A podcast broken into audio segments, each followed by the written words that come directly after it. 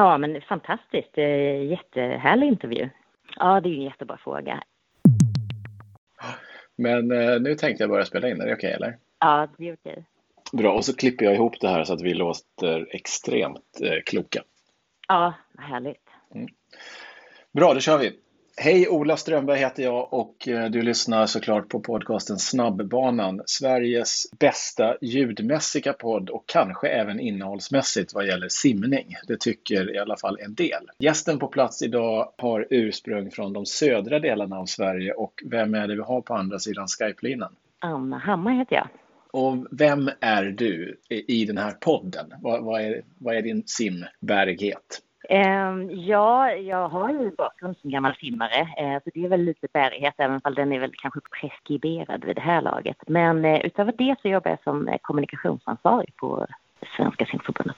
Bakgrund som simmare, både som ung och lovande och som lite äldre och jätteduktig åldersklassimmare kan man väl säga, eller hur? Kan du inte skryta lite om de insatserna?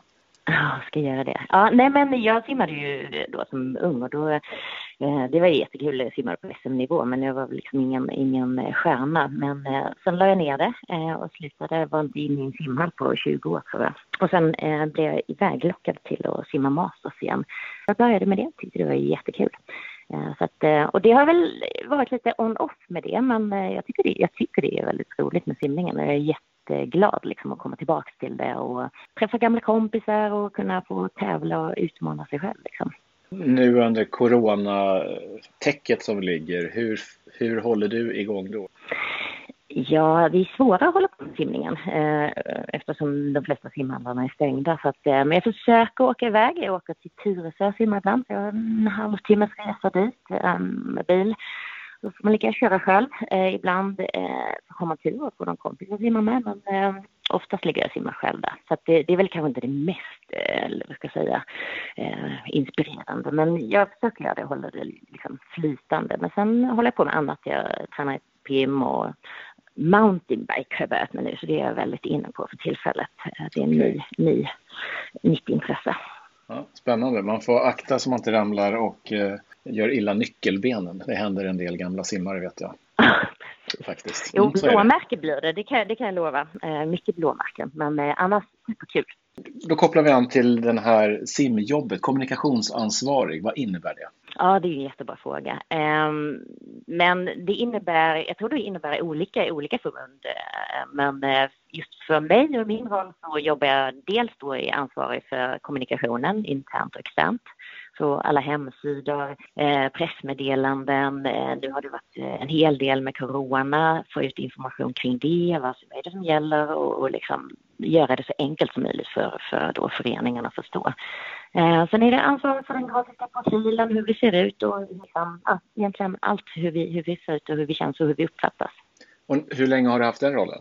Ja, men tio år nu. Det var någon som skickade någon sån här grej på LinkedIn att det var grattis på tioårsdagen, så det är helt sjukt. Jag blev chockad.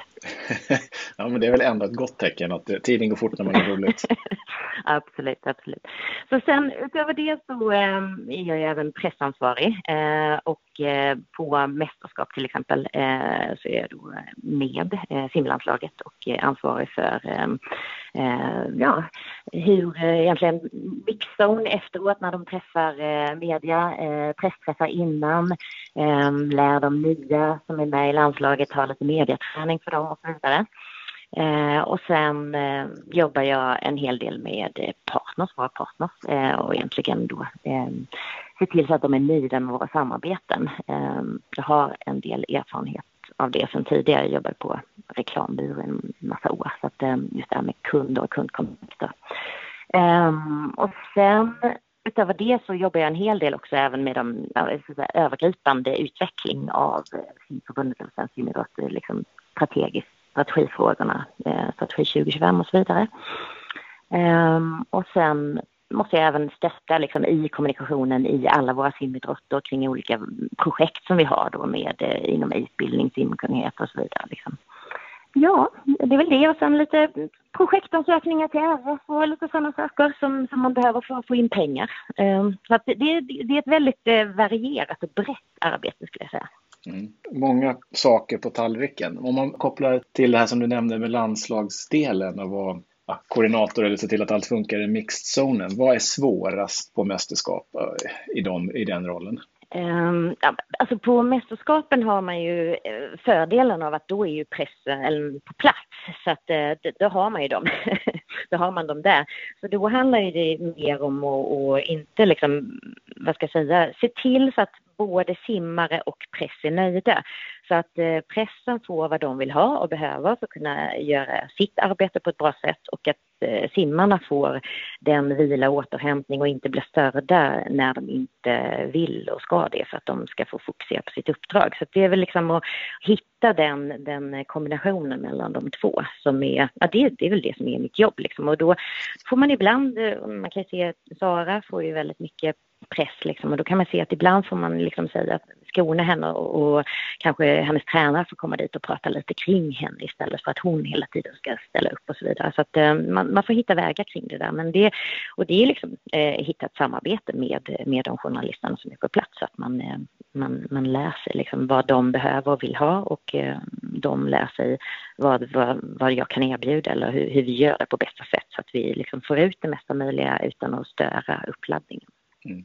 Och när man inte är på ett mästerskap, att få exponering och få intresse för simningen. Vad, en stor fråga men ganska viktig. Vad tror du att simningen behöver göra för att bli mer intressant och hitta fler eh, simambassadörer bland journalistkåren så som till exempel Malin Fransson på DN som ju skriver väldigt bra och mycket. Men att hitta fler sådana, behöver man utveckla det på något sätt och vad då? Nej men eh, Malin är ju fantastisk, hon älskar simningen eh, mm. på riktigt. Eh, och eh, hon gör ju det himla bra. Och det hon gör och som jag också har försökt bygga sen, sen jag började det är liksom att man man pratar kring personerna eh, och gör dem intressanta. Simningen är ju, man ser ju ut som man gör när man, när man tävlar, man har badmössa, man har, har glasögon på sig. Man är ju ganska, eh, ska säga, gömd. Det är inte så många mm. som vet vem man är. Så då gäller det att få fram personen bakom, bakom simmaren. Eh, och att man då bygger kring det, för då blir ju den personen intressant också oavsett hur den sen presterar. Eh, så det, det, är väl liksom ett ganska aktivt val som vi har gjort. Eh, men sen är det klart att jag tror att, jag menar nu både Malin och även Göran Sundberg som ju skriver för TT har ju, har ju jobbat med det här i väldigt många år och det är klart att då kommer de ju också lära känna personerna vilket innebär att det kommer att bli bättre för det är ju liksom ett förtroende man bygger upp. Mm. Eh, och det tror jag är jätteviktigt att man skapar den relationen relationsskapandet. Liksom.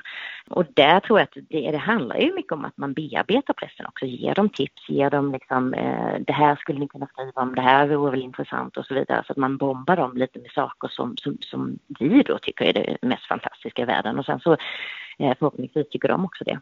Och det handlar ju både om oss på central nivå men där tror jag även att klubbarna kan göra rätt mycket genom att bearbeta sina och odla sina kontakter på lokal nivå så att eh, de blir intressanta för den lokala pressen. Mm. Ja men spännande. Just den här att skapa personligheterna, vad, det är ju, ja, kommer ju mycket av att man faktiskt har någonting kanske att säga, att man har en bakgrund och liknande som kan vara intressant. Är det någonting kopplat till själva simidrotten som sådan som du tror skulle behöva göras för att få mer vanligt folk att titta? Alltså simning är ju ändå en väldigt populär idrott att titta på. Jag menar tittar man på OS och så vidare så är simningen en av de idrotterna som, som man tycker är mest intressant att titta på. Sen är det klart att eh, jag tror att generellt så behöver man nog titta över eh, tävlingsformen liksom och titta på hur kan man, vad kan man göra för att göra simtävlingar mer intressanta. Ehm, där ser ju de likadana ut idag som de har gjort liksom i 50 år. Ehm, så att jag tror att överhuvudtaget att utveckla mästerskap, och att utveckla tävlingarna och liksom tävlandet, ehm, där tror jag vi har ett jobb att göra, absolut. Mm.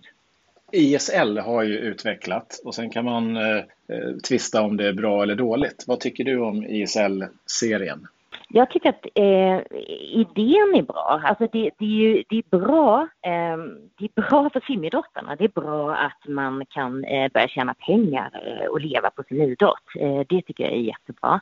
Eh, jag tror att de tycker det är ganska kul att tävla på de här tävlingarna för det är ett lag på ett annat sätt. Däremot så tror jag att det, om man tittar rent massmedialt och liksom konceptet som sådant så tror jag att det är lite för svårt och lite för komplicerat för att kunna väcka något intresse och det, det man har sett hittills är ju att det, det, det är inte superstort eh, med med intresse kring det. Så att jag tror att um, konceptet är kanske inte liksom helt hundra och det får man väl skriva och, och titta på. Nu är det ju ganska nystartat liksom så att eh, då är frågan om finns det resurser att göra det? Hur mycket tid kan man ge det? Eh, hur mycket får det lov att kosta eh, innan det börjar bära sig? Men jag, jag tycker absolut att det är bra. Konkurrens är bra. Det är bra för att, att liksom Tina och Len får se att jaha, det går att göra på det här sättet. De får se en spark i baken och göra saker och utveckla saker. Så att jag gillar, gillar idén. Och det är ju lite som gamla seriesim, eller hur? Mm, alltså. Ja, precis. Det, men det finns väl fortfarande lite, i alla fall i Skåne och Stockholm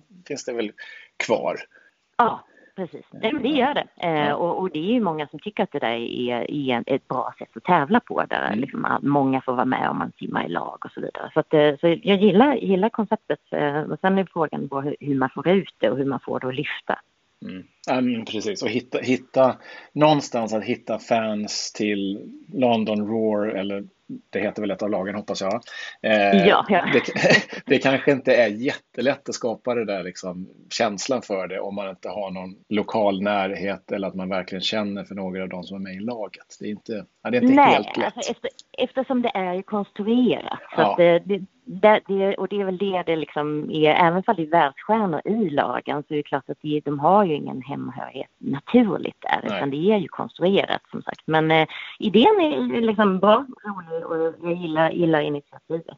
Mm. En annan tävling som jag har hållit på ett par år som är ny, eh, eller ny är det inte längre, men som var ny då, det är Swim Open Stockholm. Ja. Hur viktig är den för svensk simning tycker du? Jag tycker den är jätteviktig eh, ur många aspekter. Eh, den är viktig därför att det, nu, vi tappade ju eh, världscupen när den liksom försvann från Stockholm och då var det ju ett vakuum ett par år där vi inte hade någon stor internationell tävling här.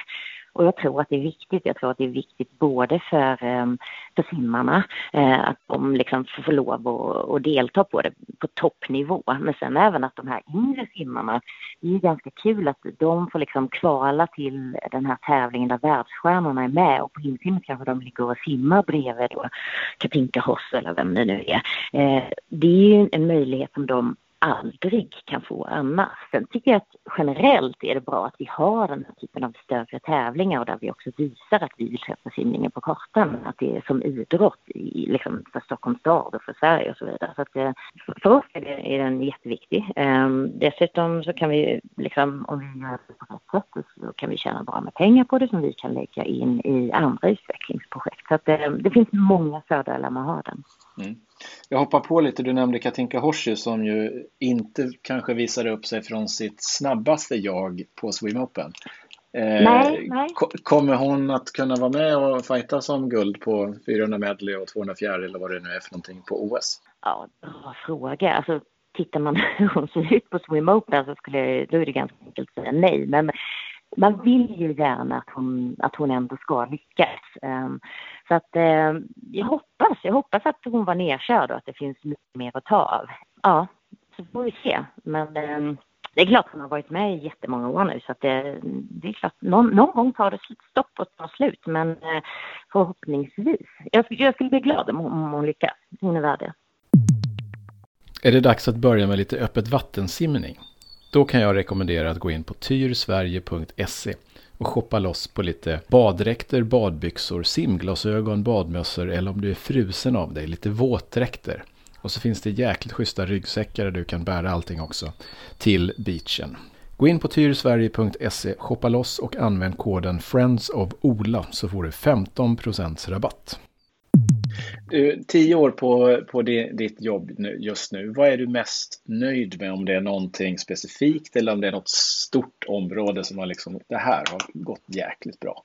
Uh, men jag, jag, um, jag är nöjd med um, hur vi jobbar just nu om man tittar på just uh, strategi 2025. Uh, jag var med och tog fram den um, när vi, när, när vi började och då fanns, vi hade en strategi sen innan eh, som gick fram till 2016 eh, och det var den var, det var inget fel på den, men problemet var att den användes inte. Det, den var mest en hyllvärmare. Så att vi gjorde, när vi började ta fram den här nya, så så satte vi oss ner och tittade verkligen på hur ska vi hitta ett sätt att få en strategi som, som verkligen funkar eh, och som vi jobbar efter och som är ett verktyg för oss. Eh, så vi la ner en himla massa krut på att ta fram den där. Vi la också ner väldigt mycket tid eh, på att förankra den och, och fråga vad tycker klubbarna, vad tycker distrikten eh, så att vi fick input på det. För det, det är bara då det, det, kan lyckas om man, om man har liksom förankrat det. Um, så att hur den faktiskt funkar, eh, sen det är klart att det tar alltid eh, ett tag när det är nytt. Men nu är vi inne i vår andra verksamhetsinriktning. Vi har då tvååriga verksamhetsinriktningar som vi jobbar med. Vi är inne i den andra eh, och eh, håller just nu på eh, att färdigställa den tredje. Eh, och, och liksom den utvecklingen som, som jag tycker att, att man ändå har sett både ifrån att man som styrelse eh, jobbar aktivt med den och tar beslut utifrån den eh, som ju då får implikationer på, på vårt arbete men även att man liksom inom förbundet har den för ögonen i sitt dagliga arbete. Eh, och förhoppningsvis så har vi då bättre styrning på, på det jobbet vi gör som, som till syvende och sist ska hjälpa liksom, föreningar och eh, simidrottarna. Mm. Vad är svårast i ditt jobb? Ehm, det svåraste är tycker jag att eh, det finns så himla mycket. Vi, har, vi gör så himla mycket bra grejer eh, på, på förbundet. Men eh, det är inte alltid att vi får ut det. Eh, så att, eh, och det är lite precis på samma sätt som att RF gör en massa bra grejer som kanske vi som förbund, det vet väl du kanske inom skidorna också, har svårt att ta till oss för att vi inte är där just nu, liksom, där de är. Eh, och på samma sätt så kan jag känna att vi gör väldigt mycket bra grejer och frågan är liksom hur får vi föreningarna att mäkta, mäkta med att ta till sig det? För det här är ju ofta liksom utöver den dagliga verksamheten. De ska hitta lärare till simskolan och det är kanske deras första prio. Eh, så att eh, det, det tycker jag är på en, vad ska jag säga, på en övergripande nivå tycker jag är en utmaning. Eh, I mitt jobb rent personligen så tycker jag att det är jättespännande för det spänner över så mycket mycket. Men det gör också att det alltid finns utrymme till saker, att man skulle vilja hinna eh, med och göra eh, något annat, eh, alltså, eller mer. Eh, det finns, det finns saker vi behöver utveckla och inom kommunikation och så, så är det till exempel det här att vi, vi behöver bli vi behöver förstå ungdomarna, vi behöver finnas där, vi behöver vara synliga på det sättet som är intressant för dem. Och um, där behöver vi mer kompetens. Vi behöver liksom finnas på sociala medier, vi behöver vara rörliga, vi behöver vara lättillgängliga. Um, och vi behöver utveckla våra tävlingar, arrangemang och, så att, och hur vi rapporterar från dem så att det ser attraktivt ut. Att folk tycker att men det här verkar jättespännande, jag vill vara med inom simidrotten. Så att um, där är väl, nu faktiskt så, jag kan, ha, jag kan använda det här som en, som en uh, liten... Kassaannons. Ja, kan jag det? Ja, självklart. Jag skickar faktura. Bra. Ja. Nej, men alltså vi behöver någon som är intresserad av simidrott, som eh, gillar att skriva och har kunskap kring sociala medier och som kan filma och klippa och, och så. För är det någon som känner att eh, det, det här skulle vara det roligaste jobbet i världen så hör av er till mig så, eh, så ska vi se vad vi kan göra. För vi håller på att titta på det just nu och det, det, det är absolut en, en del som vi behöver utveckla och göra mycket bättre. Så det finns mycket kul man kan göra kring det. Mm, spännande. Så det är inte för att avslöja en, eh, en tjejs ålder, men någon som är eh, inte har lika många år på nacken och är mer bevandrad i olika sociala medieplattformar och innehåll alltså? Ja, precis. Det var inte taskigt sagt? Eller? Nej, nej, nej, nej, precis. Eh, häl, hälften min ålder ungefär. Eh, ja, min dotters ålder.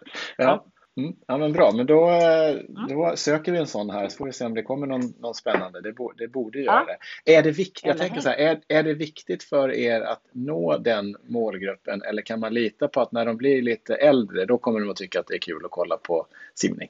Jag tycker det är jätteviktigt att nå dem. Alltså för det första för att vi vill, alltså vi har ju ett problem generellt och det är att folk slutar alldeles för tidigt. Um, och det beror kanske inte på att vi är dåliga på sociala medier, det tror jag inte, men däremot så tror jag att det är viktigt att vara relevant i målgruppen och det handlar ju liksom både om hur man organiserar träningen, eh, hur, hur, kan vi, vi vet ju det liksom, eh, det finns undersökningar som säger att ja men okej, man är som ungdom intresserad av idrott och hälsa. Det är superviktigt. Men ändå slutar man med idrottandet. Och det är ju liksom inte bara simidrotten utan det är idrotten generellt. Men då måste man ju ta reda på, okej, vad kan vi göra? Och, alltså, återigen, vår organisation så som vi är organiserade ser ut och liksom, vi bedriver träning i stort sett på samma sätt som vi har gjort de senaste 50-60 åren. Och där behöver vi titta till liksom, hur, hur kan vi utveckla det? Både träningsformer och tävlingsformer så att vi blir attraktiva för, för, de, för ungdomar, barn och ungdomar. Så det tror jag är superviktigt. Och då det här följer ju med liksom då också hur, hur, hur ser vi ut, hur låter vi, hur, liksom, hur, hur, hur uppfattas vår idrott? Mm, vad spännande. Och då leder det mig i alla fall fram lite till en fråga som du kanske inte är så involverad i, men jag är säker på att du kommer att vara med och bolla den lite fram och tillbaks. Och det är eh, efterträdare till Ulrika Sandmark som ju kommer att sluta som förbundskapten här efter OS. Mm. Och man, eh, man, är väl igång snart, eller kanske till och med nu, på att hitta någon ny. Jag har ju en, en, eh, en syster eller bror podcast som också handlar om simning där de har vaskat fram ett gäng namn som de tycker skulle kunna vara intressanta. Eh, och inget av de namnen är egentligen intressanta för det är gamla gummor och gubbar. I alla fall i min värld. Ja, i alla fall flertalet. Ja, i alla fall flertalet ja, av dem. Var, mm. ja, många som var, var recyclade. Det, man ska inte åldersdiskriminera. Men eh, är, vad ser du helst att man skulle ha för typ av person och bakgrund på en ersättare till, till Ulrika? Alltså Ulrika har gjort ett fantastiskt jobb för, för simningen. Eh, så att eh, verkligen all cred till henne. Så det, det, är klart att det är svårt att efterträda henne.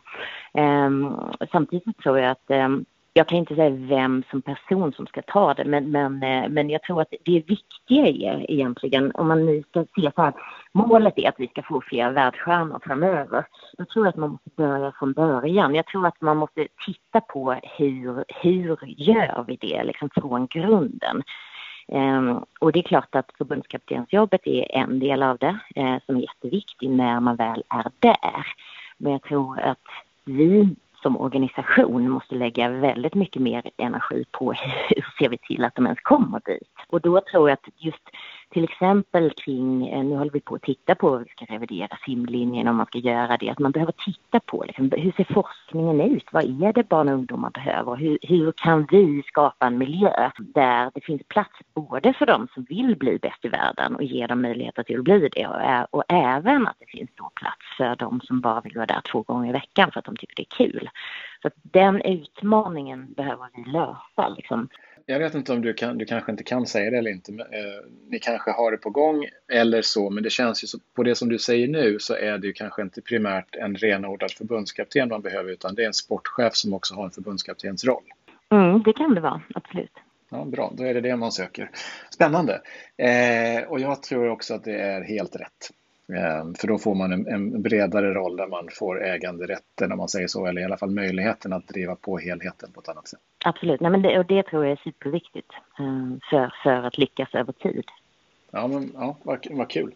Du, eh, vad är nyckeln till att Sverige ska få fler världsstjärnor då? Vad är det vi måste bli bättre på? Kan vi bara förlita oss på att vi har tur, om man säger så, och får supertalanger? Eller kan vi ha ett system som gör att vi faktiskt kontinuerligt får fler? Ja, man kan väl säga att Sverige är ju ett litet land så att eh, över tid eh, så är det svårt för små, små länder att liksom vara lyckosamma hela tiden. Men det jag tror man kan göra är ju absolut att man kan bygga strukturer så att man har större, större chans att få fram det. Det tror jag. Är den här typen av elitcentra som NEC, är det bara bra eller kan det också vara dåligt? Alltså det kan ju inte bara vara bra. Eh, det, jag tror att det är en möjlighet. Eh, jag tror att man ska hitta, hitta många möjligheter. Man ska ha, kanske hitta sätt hur man kan träna på regional nivå. Eh, jag tror man behöver titta på USA som ändå är ett, ett ställe där ja, det lockar många. Ehm, och hur får man då det att funka med den svenska modellen? Så att jag, tror, alltså, jag, jag tror att man måste titta brett. Jag tror att det är bra med ett elitcentrum. Jag tror inte det är den enda vägen. Du, eh, du har en bakgrund som inom simning, eh, varit jätteduktig både som yngre och som lite äldre. Vad är en nackdel och fördel med att ha den bakgrunden när man jobbar som liksom tjänsteperson inom förbundet? Finns det både nack, nackdel och fördel? Ja, alltså fördelen är ganska uppenbar att det är väldigt kort, eh, kort sträcka att komma in i det. Det är ganska lätt att sätta sig in i hur det är för dem i landslaget, vad de behöver och hur de, hur de känner och mår överhuvudtaget. Man kan, man, man kan eh, liksom, man vet hur det funkar. Ehm, man kan vokabulären och, och så. Så att det, det, är ju liksom den uppenbara. Och sen insåg jag ju när jag kom tillbaks till simningen att vissa personer är ju kvar fortfarande som man själv är aktiv. Så de kan man ju heja på. De är tränare fortfarande. Eh, så att ehm, Nej men sen är det klart att nackdelen är väl kanske att man, är, att man blir hemmablind och att man eh, inte ser möjligheter på samma sätt. Att man, att man vet hur det har varit. Där försöker jag ju dock vara en ganska stor motvikt till, till många. Det här tankesättet att eh, så där har vi aldrig gjort förr eller att man, liksom inte, att man är rädd för att utveckla eller att tänka nytt. Ehm, där tror jag att jag ändå är ganska bra trots att jag kommer från simningen så att jag är lite ja, hemmablind emellanåt, att jag ändå försöker se möjligheter att utveckla. Ehm, det tror jag är jätteviktigt. Det behöver vi göra. Ja, du har ändå varit borta professionellt från det tills ja. du kom tillbaka om man säger så. Vad, vad, var största överraskningen när du började jobba professionellt med simning mot vad du förväntade dig? Alltså, det jag slogs av, det kommer jag ihåg när jag började och som jag fortfarande tycker det är att det, som jag sa tidigare, vi gör så himla mycket bra grejer och sen är det ju liksom, det handlar ju om att få ut det, att sänka trösklar så att eh, föreningarna kan ta det till sig. Sen handlar det också om, att naturligtvis att vi aldrig får glömma att det är föreningen som är vår liksom simidrotten, det är de som är våra uppdragsgivare. Så att, så att föreningarna tycker att vi gör bra jobb. Det är ju, det är ju liksom jätteviktigt att, att de tycker att vi gör rätt saker, att de känner sig lyssnade på. Uh, och jag menar nu till exempel i coronatider så har det ju varit, nu hade vi möte här i veckan kring SM och Sumsim och så vidare som vi, då SM-veckan blir inställd och då blir vi tvungna att ta, eh, ställa in SM, eh, i alla fall nu när det är efter samtal med smittskydd och så vidare. Men då är det ju superviktigt att lyssna in. Vad, vad vill föreningarna då? Så att inte vi bara sitter och toppstyr och, och bestämmer att då gör vi så här eh, och kör, utan att man faktiskt lyssnar in och, och sen, sen tror jag så här just den frågan kommer att vara omöjlig för folk kommer att tycka olika. Föreningarna, olika föreningar kommer att tycka olika. Men då får man ju ändå titta på vad tycker majoriteten och ta ett beslut därifrån. Och sen att man, att man står, liksom, att man är ganska tydlig och står fast. Det tror jag är superviktigt. Hur många, om man tar de topp 20 föreningarna i Sverige, hur många av dem är engagerade och är en bra liksom, diskussionspartner? Du får inte säga alla för det är det inte. Nej, det finns ju, så här, jag tror att det finns, det finns föreningar som är olika bra på att förstå att de faktiskt kan höra av sig till förbundet och, och vädra sina synpunkter och också få råd och tips och sådär. Eh, och där finns det vissa föreningar som är, är mycket mer aktiva när det gäller det eh, än vad andra är. Eh, och sen det är klart att vi har ju när det gäller om man pratar om då elitsimning eller så, så är ju CES en partner som vi har eh, och som vi också kan bolla med och de, de samlar ihop vad, vad, vad deras grupperingar tycker och sen är de ju på en part som vi har samtal med. Och det tycker jag är jättebra. Mm. SM nämnde du. Som det är i dagsläget så går det inte att säga att det kommer att bli av. Hur stor sannolikhet är det att det blir någon gång innan det blir vinter igen? Det vill säga att det blir ett ute-SM? Ja, alltså som jag sa, vi, vi, vill ju jättegärna arrangera ett SM. Eh, och eh, vi jobbar ju för att göra det.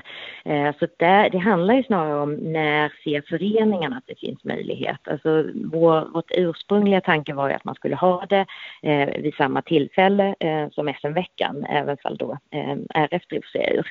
Eh, nu var inte det möjligt eh, efter samtal med då smittskyddet i Halland och, och Eh, Eh, föreningen.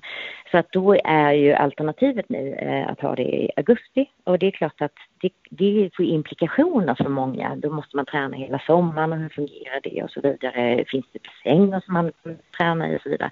Så att det är därför det är så viktigt att fråga. Eh, men, men, men säg så här, från, från liksom Svensk simidrottsråd så det är klart vi vill arrangera ett SM. Men, men är det så att det, att det inte funkar praktiskt så, så eh, då kan man titta på, finns det möjligheter med ett riksmästerskap eller liknande? Så att på något sätt att man ändå ger då de här ungdomarna eh, möjligheten att visa framfötterna och mäta sig. Det tror jag är superviktigt. Mm. Ja, men bra. Vi, vi lämnar lite så förbundssnacket och går in på eh, simträningssnacket. Måste man ha en massa olika typer av prylar när man simtränar? Ja, det måste man. Vad är viktigast då? Nej, det är klart man inte måste. Men det blir lite roligare tycker jag. Om jag bara pratar personligt. Ja, nej, men jag tycker det blir roligare.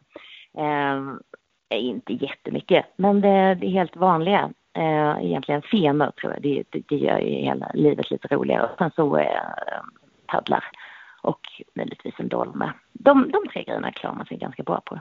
Mm. Fener, simmarens nya snuttefilt. Ja, absolut. Så är det. Det är, det är en napp, absolut. Så att man, man får inte ha det för mycket för att det... det, det men, eh, men det är kul och det är, man, man får största benen mm. Vad Har du någon favoritserie när du kör? 15 gånger 100 armstarten 20? Mm. Nej, men det är lite, tyvärr är det så. Alltså, ska, det finns ingen som, som skriver tråkigare pass äh, än jag om jag ska skriva till mig själv. Det blir liksom typ beroende på hur mycket tid jag har så blir det ofta liksom 20, 25 eller 30 hundringar. Ehm, men jag försöker variera lite för att vara snäll mot mig själv. Mm. Vad har du för, eh, när du var aktiv simmare, inte masters utan ja, på riktigt om man får säga så. Vad har ja, du, just det, vad är, ja, vad är ditt bästa simminne då? Har det att göra med någon, någon lagkamp kanske? Ja, alltså det var ju det som verkligen var, det var ju liksom det som var det roliga. Jag simmade ju både i eh, Kristianstad KSLS och i HS eh, och eh, det var ju, de var ju bäst i landet på, på lagkapparna så att eh, jag har jättemånga eh, kul minnen från just lagkappar. Um, och eh, nej men det var ju fantastiskt. Eh, simmade med, hade så många duktiga simmare som jag simmade med så att eh, vi liksom var ju väldigt framgångsrika eh, när det kom till lagkappor. Ehm, så att eh, det var absolut, och just den här glädjen i att man kan dela det med andra är ju fantastisk. Mm. Mm. Nu när du tittar på simning eh, eller när du är nere på ett mästerskap, vilket lopp, om du måste välja ett, kollar du helst på då? Ja, alltså 100 fjäril damer är svårt att inte gilla och titta på de här senaste tio åren faktiskt. Eh, så att eh, det, det är det. Sen är det ju häftigt. 50 frisim herrar tycker jag är liksom bara just därför att det är så otroliga vilka, vilka krafter liksom att det, det, det går så snabbt. Så att Um, ja, nej, men det är väl de två favoritloppen. Annars är jag, jag tycker mycket är kul att kolla på. Uh, jag gillar att kolla på simning. Mm. Så är det bara. Det är en, en uh, avslutande jätteviktig fråga. Om man simmar mm. i en simbassäng, får man ha på sig en pulsklocka då? Nej, nej, nej, nej. det går bort. Nej, det får man inte. Nej, det går bort. Nej, ja. nej, nej, nej. Nej, jag håller med. Eh, ja. Icke förvånande, men så är det. Du, jag, har, jag, är, jag, är, jag är jättenöjd med eh, svaren. Är du nöjd med frågorna? Ja, men fantastiskt. Jättehärlig intervju. Ja. Har jag missat någon fråga som du har förberett dig för det här skulle jag vilja säga? Laddat för? Nej, jag tycker inte det. Jag tycker det var ett, eh, ett bra samtal. Då säger vi tack och hej till Anna Hammar på podcasten som kommer att komma ut i princip samtidigt som EM i simning går av stapeln. Och där tänkte jag, just det, det måste vi ställa en fråga kring också. Vem kommer att överraska på EM i Budapest? Alltså, jag tyckte ju att eh, Sofie Hansson såg så jäkla vass ut eh, på Swim Open. Eh, och hon har haft en otrolig kurva. Så att, eh, jag hoppas att eh, alltså, i en bästa värld där så skulle hon kunna vara med och knipa medalj. Det, det skulle ju vara skithäftigt. Mm. Ja, bra. Anna Hammar, tack så jättemycket. Tack själv. Ha det bra, Ola. Om du nu ska följa Annas råd att faktiskt ha lite prylar när du simmar, då ska du gå in på tyrsverige.se. Shoppa loss på jättebra paddlar, dolme, simfener, alltså snuttefilten för simmare. Tyrsverige.se, använd koden Friends of Ola. Simma hårt!